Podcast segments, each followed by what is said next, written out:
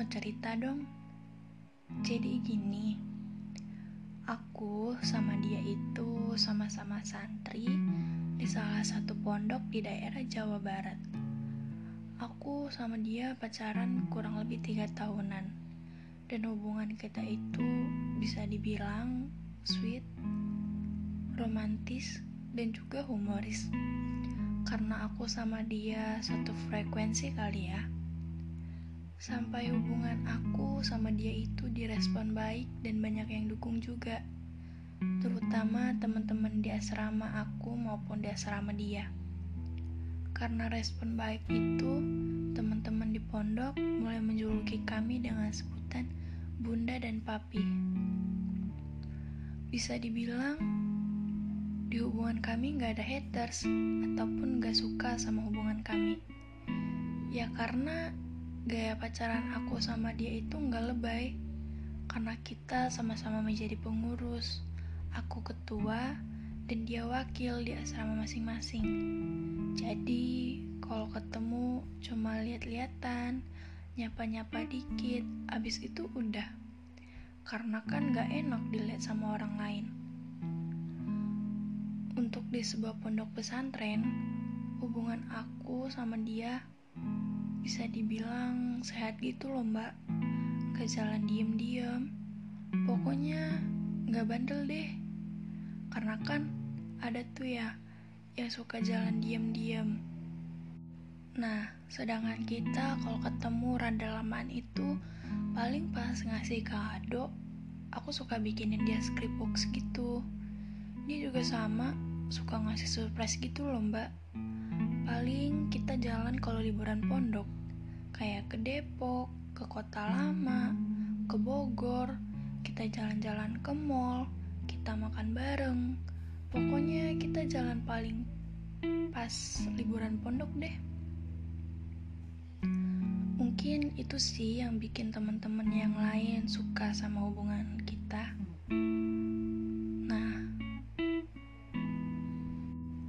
Problematika muncul itu ketika kita mau lulus alia, Mbak.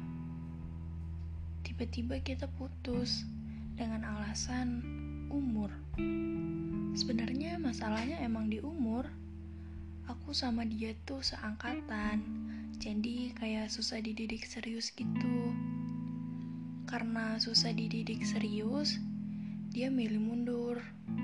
Dan aku mulai perdebatin itu dan aku bilang sama dia, kenapa mundur? Kita kan gak tahu rencana Allah itu gimana. Ya udah, mending kita jalanin aja. Tapi dia tetap nggak mau. Akhirnya aku sama dia break dulu selama dua bulan. Tiba-tiba ada cewek hadir di hubungan kita. Aku nggak tahu sih itu cewek hadir pas aku sama dia break atau emang udah hadir dari sebelum break.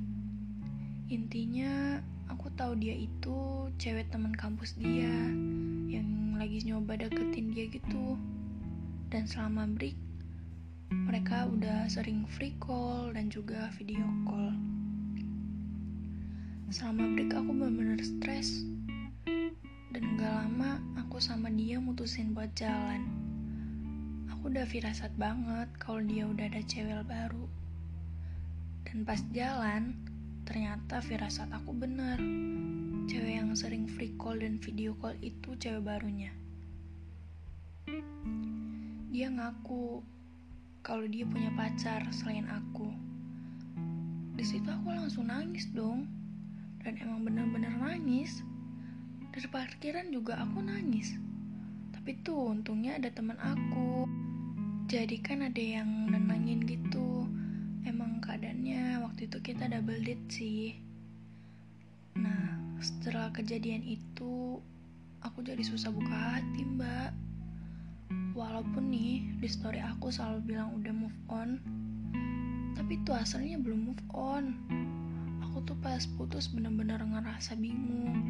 Pagi, siang, sore, sama malam aku tuh nangis kalau aku sendirian, aku nangis. Bangun tidur, aku nangis.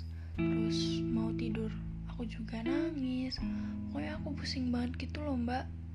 Sampai yang tadinya aku tidur teratur jadi ngalamin insomnia. Bener-bener insomnia. Jam 3 aku baru tidur. Aku tuh nggak pengen tahu kayak gini mbak aku bingung. Aku pengen minum obat dari dokter atau aku mau konsul ke psikolog atau gimana ya mbak? Enaknya gimana ya mbak? Aku tuh pengen aktivitas aku tuh tersusun lagi. Aku nggak mau kayak gini. Oh ya satu lagi. Sekarang aku sama dia jadi sahabatan.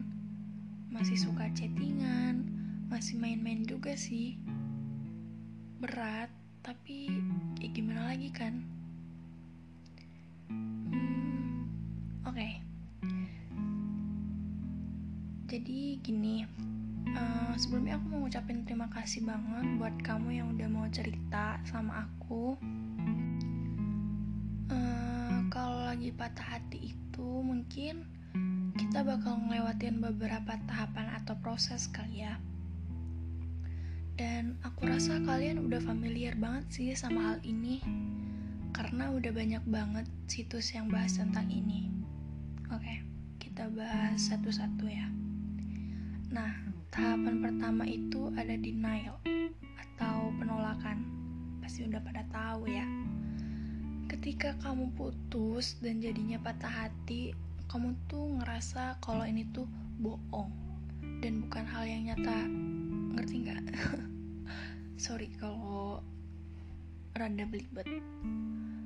Kamu tuh masih ngerasa dia punya kamu dia masih pacar kamu dan segala macam gitu. Terus di tahapan kedua itu ada namanya frustasi di tahapan ini kamu ngerasa kayak kok ini bisa ya terjadi di aku? Kok dia milik orang lain ya. Salah aku apa kurang aku apa dan sebagainya. Yang ketiga itu ada tahapan tawar menawar kamu bakal ngerasa kayak coba aja ya kalau aku nggak diselingkuhin. Coba aja ya kalau dia nggak datang di hubungan aku Coba aja ya kalau aku nggak disakitin. Pasti aku sama dia masih baik-baik aja nih. Kurang lebih kayak gitu ya teman-teman. Dan yang keempat itu ada depresi. Kamu hilang semangat hidup dan diem diri aja gitu nikmatin kesedihan. Ya yang kayak kamu lakuin itu terus-terusan nangis sampai insomnia juga ya. Dan tahapan terakhir itu ada acceptance. Tahapan ini tuh berarti kamu tuh kayak nerima kenyataan. Ya, kamu harus nerima kalau dia emang udah bukan milik kamu lagi. Semuanya emang gemudah sih buat dilewatin tapi kan bukan berarti nggak bisa dilewatin juga. Karena kamu tadi bilang sekarang udah bersahabat jadi menurut aku kamu udah ngelewatin semua tahapan itu. Dan menurut aku kamu nggak perlu ke psikolog ataupun ke psikiater buat diobatin. Dan aku mau bilang sih dua hal yang harus dilakuin biar bisa move on itu adalah menerima dan berserah diri. Itu emang benar-benar nggak mudah ya buat dijalanin. I know. Dan aku rasa kalian juga tahu lah ya. Tetapi itu juga sesuatu yang bisa dipelajarin teman-teman. Jadi uh, kamu tuh harus menanamkan pada diri bahwa apa pun yang bakal terjadi nih di ke depannya nanti mau nanti jadinya balikan atau enggak sama dia atau nantinya bakal tetap sahabatan kayak sekarang atau bahkan nantinya lost contact gitu ya kamu harus terima. Karena fase kehidupan uh, fase kehidupan itulah yang harus kamu jalanin. Jadi nanti kalau suatu hari kamu relapse atau marah dan sedih lagi kamu gak bakal ngerasa down. Karena udah tahu itu adalah hal yang wajar. Oke? Okay? semoga kamu bisa nerima semua ini. Hmm, kamu udah nerima sih dengan bersahabat. Dengan dia artinya kamu udah berdamai sama diri kamu sendiri. Itu yang paling penting. Oke okay, sampai jumpa di podcast berikutnya. Bye bye